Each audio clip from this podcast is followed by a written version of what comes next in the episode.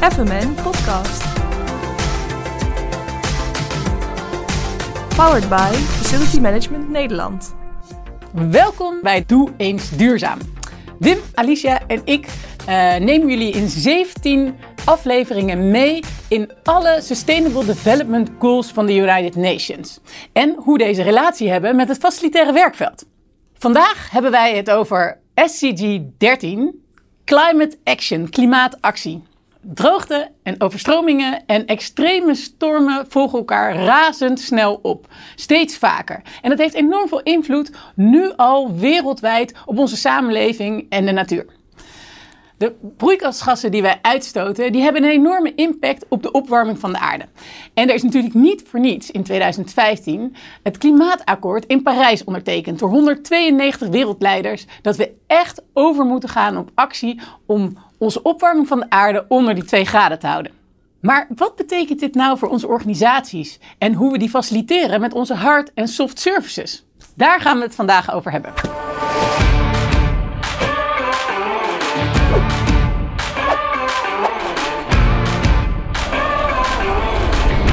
En vandaag hebben we niemand minder te gast dan Maurits Groen, serial ondernemer, uh, bekend van uh, de onderneming Wakka Wakka en Kipster. En we hebben Theo Peters, adviseur duurzame bedrijfsvoering en energietransitie voor Achmea, die alles gaat vertellen over hoe zij in de keten klimaatactie bewerkstelligen.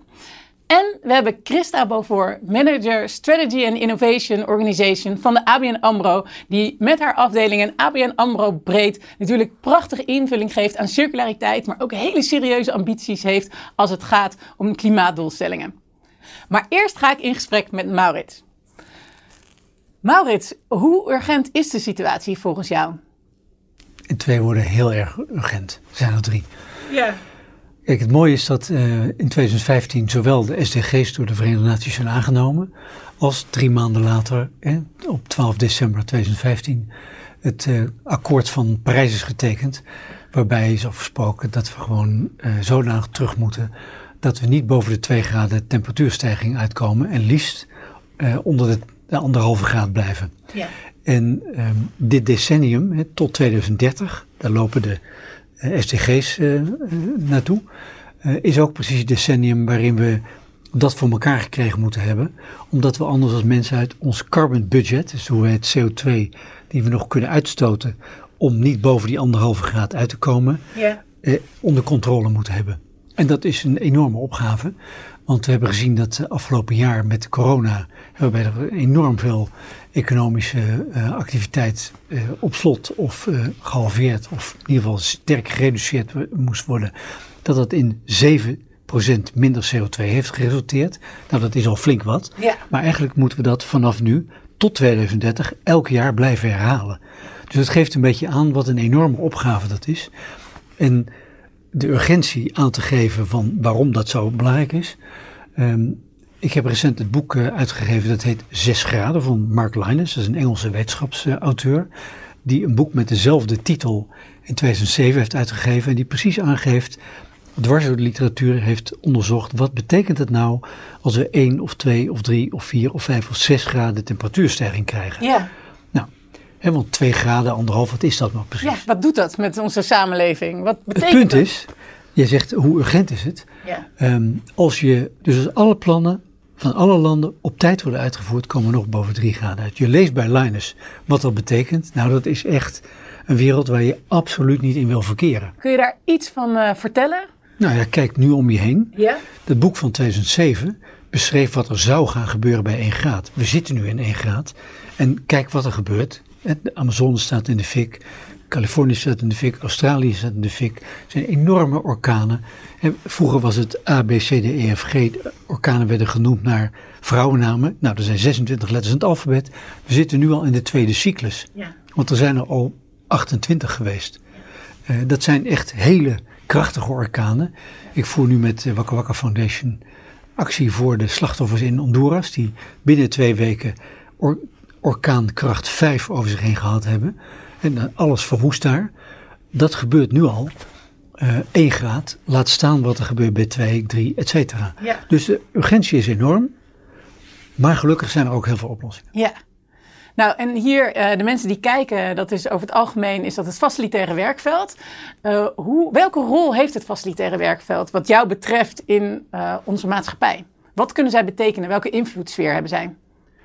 Nou, eigenlijk best veel. Op twee manieren. A, door zelf maatregelen te nemen die feitelijk al bijdragen aan het realiseren van die doelstellingen. Ja. En door dat te doen, mensen te informeren, te inspireren en de moed te geven, de hoop te geven dat wanneer ze zelf wat bijdragen, dat het ook daadwerkelijk wat uitmaakt. En dus op die twee fronten, dus daadwerkelijk actie ondernemen en door dat te doen, de drempel voor anderen om ook een bijdrage te leveren, om die te verlagen. Ja, dus te faciliteren, maar misschien ook heel duidelijk zichtbaar te maken in de organisaties. Wat klimaatactie betekent en hoe je daar zelf aan bij kan dragen.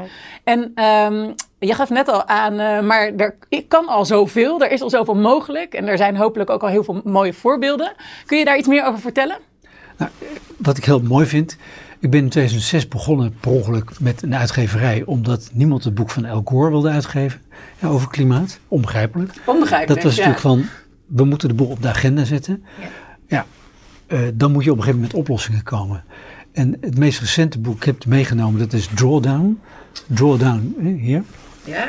Dat is eigenlijk de top 100 oplossingen, uitgerekend door duizenden wetenschappers over de hele wereld, gerangschikt van 1 tot 100. De top 100 oplossingen die kunnen bijdragen aan het reduceren van, eh, van klimaatontwrichting. Sterker nog, ervoor zorgen dat we inderdaad die doelstelling van 2, 1,5 graad halen.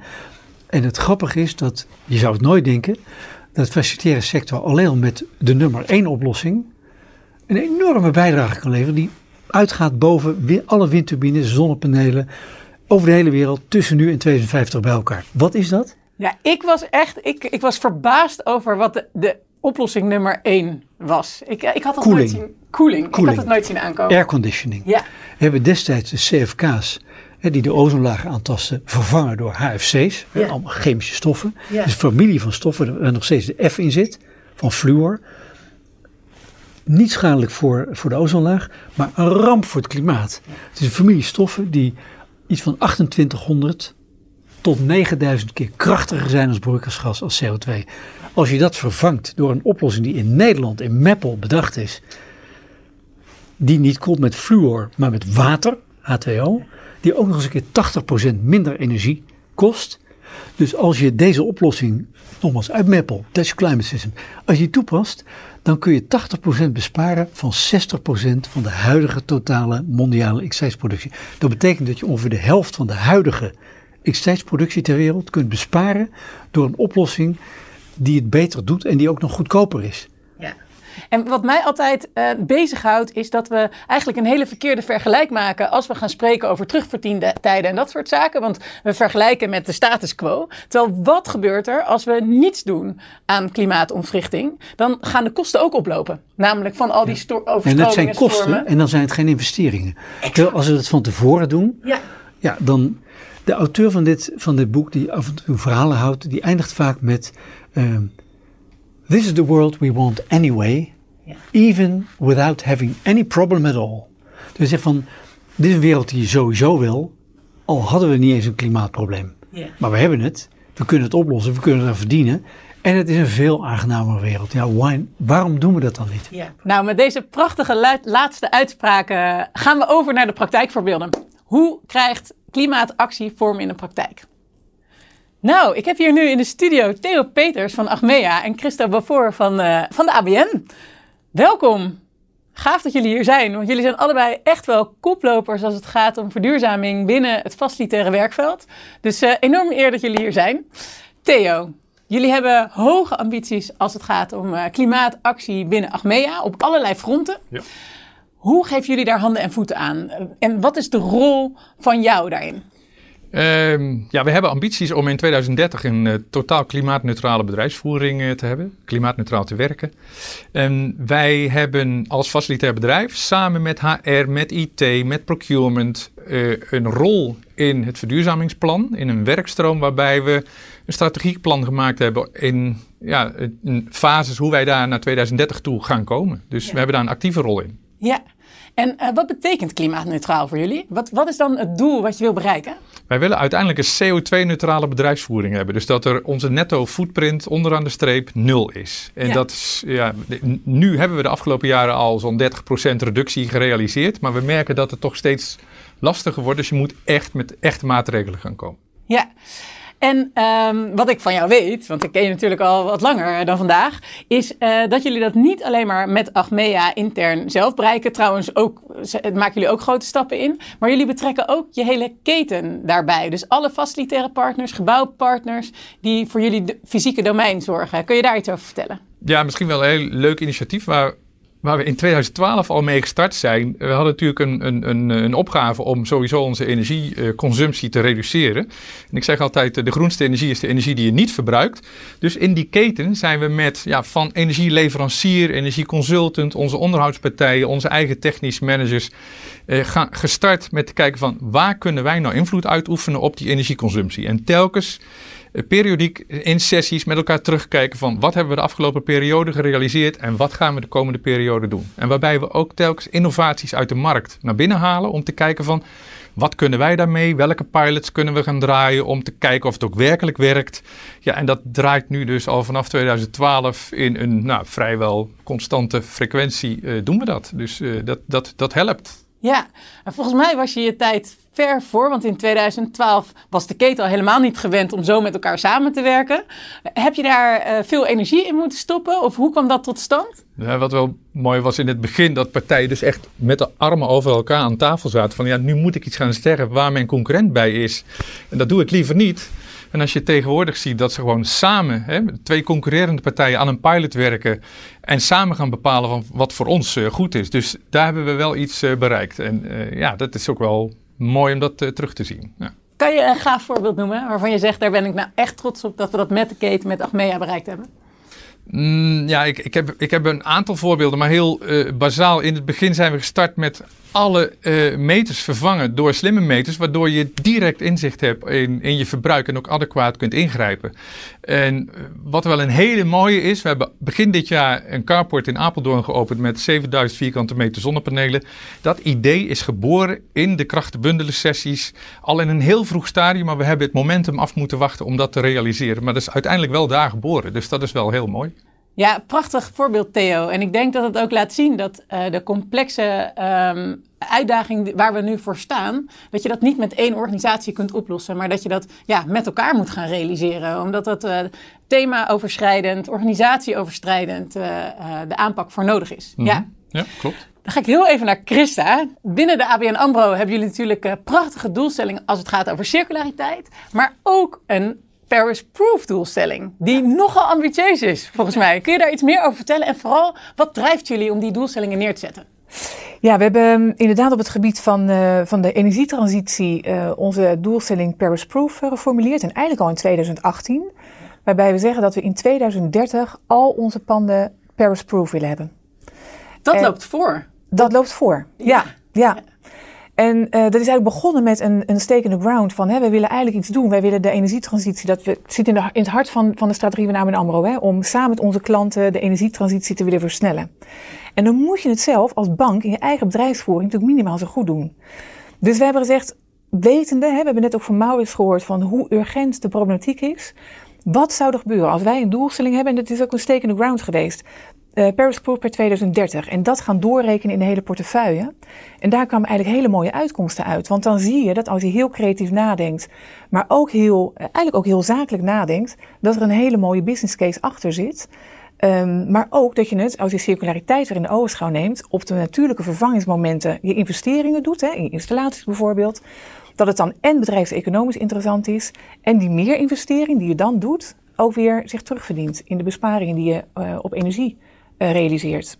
Dus per saldo heb je dan een hele mooie case. En dan kun je en iets goeds doen ten aanzien van de klimaatproblematiek, maar ook voor het bedrijf zelf. En dan snijdt het mes aan twee kanten. Ja, ja. wauw, ik vind het prachtig. En dat in 2030 bereiken is gewoon een, een voorbeeld voor, denk ik, uh, heel veel organisaties mm -hmm. die op dit moment zich nog afvragen hoe ga ik ermee aan de slag? En wat is dan een stip op de horizon die ook realistisch is? En hoe bereik ik dat? Welke rol willen jullie daarin vervullen?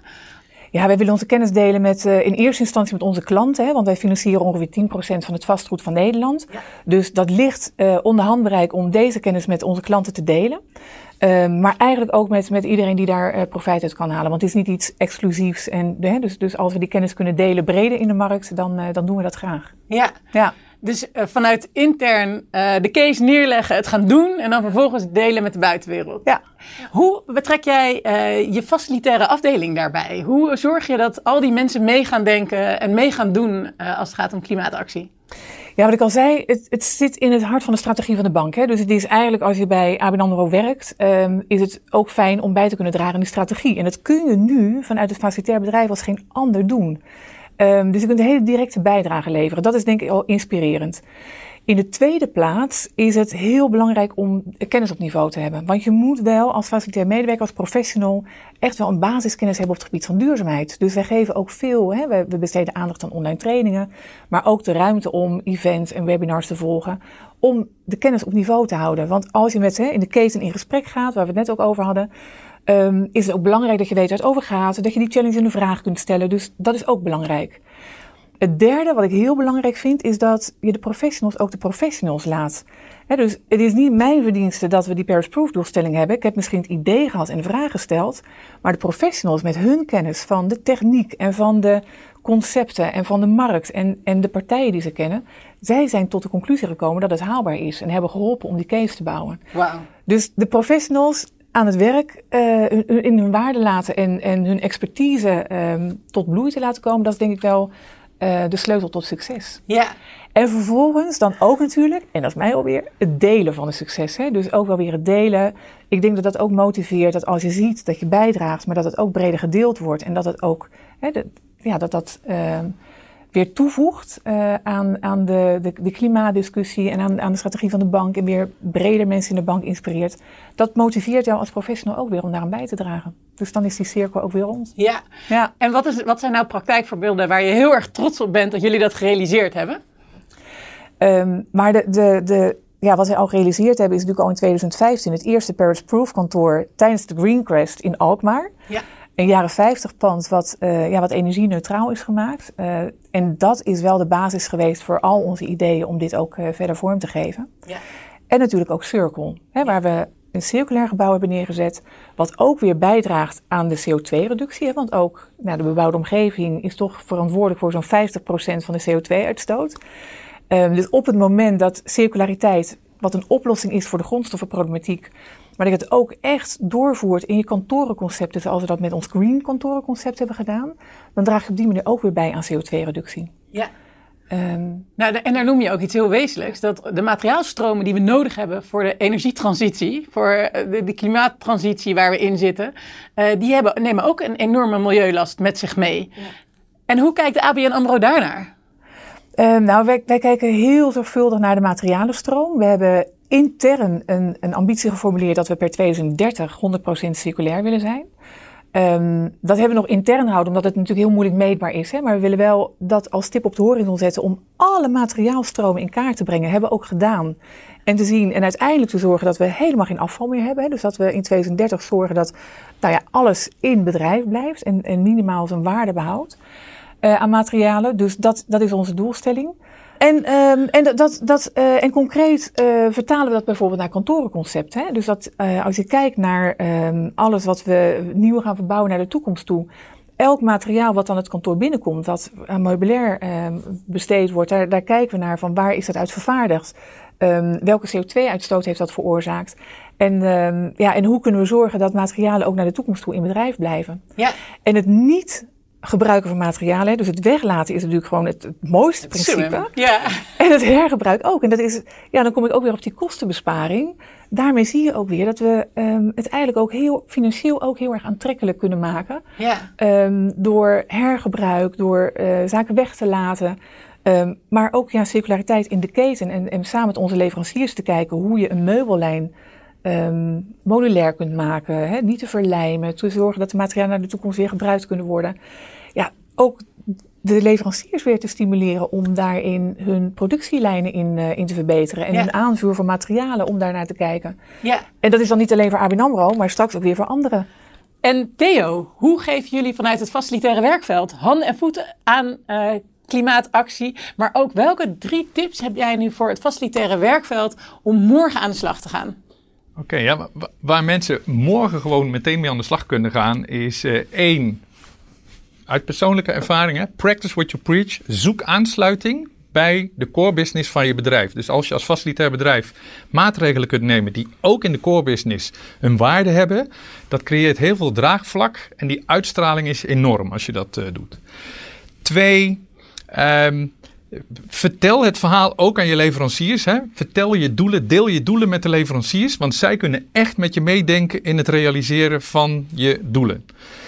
En drie, Ehm, als je in dat werkveld aan meerjarenplannen werkt, hè, meerjaren onderhoudsplannen, verduurzaam dan die plannen ook voor de lange termijn. Maak er een duurzaam meerjaren onderhoudsplan van, zodat je weet waar je naartoe werkt en op welk moment je welke slimme maatregel kunt nemen door dan niet misschien die hele koelmachine te vervangen, maar om alleen de defecte onderdelen te vervangen of nog beter, ga een ander systeem introduceren. Hè. Voorbeeld, roltrap was na 30 jaar op is niet vervangen door een roltrap, maar we hebben er een vaste, duurzame trap voor teruggebracht. Met meteen, ja, ook in het kader van vitaliteit natuurlijk een meerwaarde voor medewerkers om van de trap gebruik te maken. Nou, dat versterkt dan ook weer de business. Dus ik, ik, ik kijk naar die drie dingen. Ja, eh, jullie hebben ook nog een prachtig ander voorbeeld waarin je echt vanuit de business hebt gekeken wat is nou nodig om het risico als het gaat om verzekeren, om dat kleiner te maken uh, met groene daken.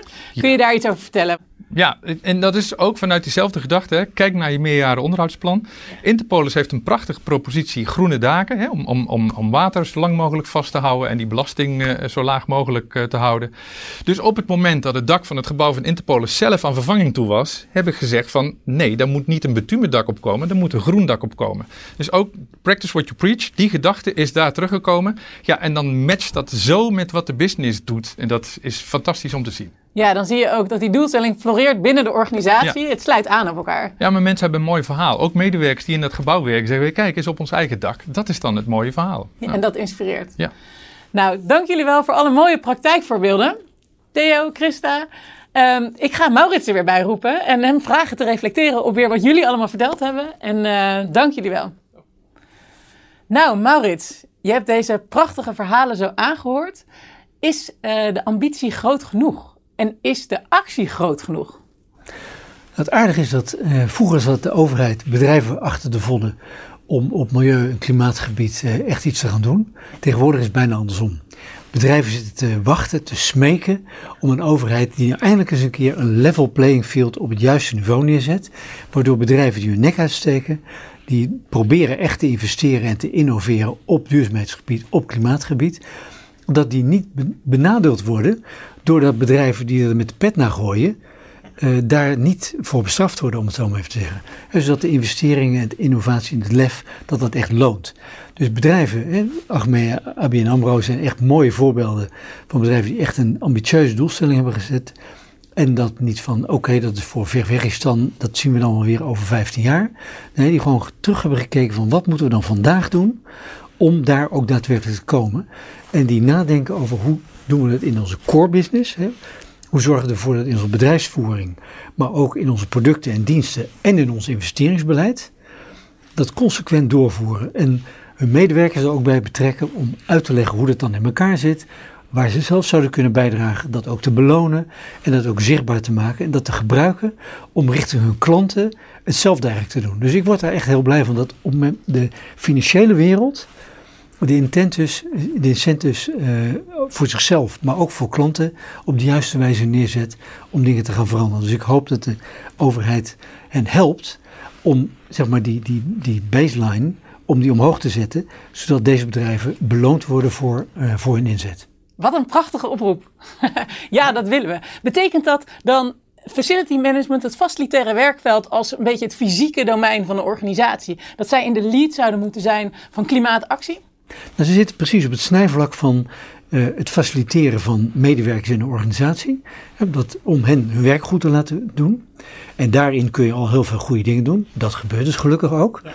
En door dat zichtbaar te maken ook naar de medewerkers.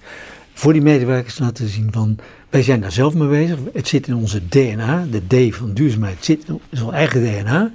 En laten we dat nou ook vertalen in onze producten, diensten en alle andere interacties die we met de samenleving hebben. Daar worden we als bedrijf beter van, maar ook als samenleving. Ja, mooi. En wat zou je als laatste boodschap mee willen geven aan het facilitaire werkveld? En uh, van mij mag je het in de camera zeggen als je dat wilt. Nou, kijk, het is heel inspirerend, denk ik, om nog eens een keer heel goed na te gaan hoe je eigen werk in elkaar zit. Om dat in allerlei facetten, aspecten aan elkaar te, uh, te rafelen. En dan te gaan kijken, wat is er beschikbaar, nu al? Uh, en dan blijken er ontzettend veel oplossingen al te zijn om dat nog weer beter te doen. En omdat in samenwerking, de duurzaamheid gaat over samenwerking op lange termijn, in samenwerking met die aanbieders en de mensen die betere oplossingen bedacht hebben, om dat gewoon te, te gaan realiseren. En dan krijg je volgens mij nog meer plezier in je eigen werk, omdat je er trots op kunt zijn dat je bijdraagt aan een duurzame wereld voor je kinderen en je kleinkinderen. Yes, wauw. Maurits, Christa en Theo, ongelooflijk bedankt voor deze inspirerende aflevering weer. En jullie allemaal bedankt voor het kijken. FMN Podcast. Powered by Facility Management Nederland.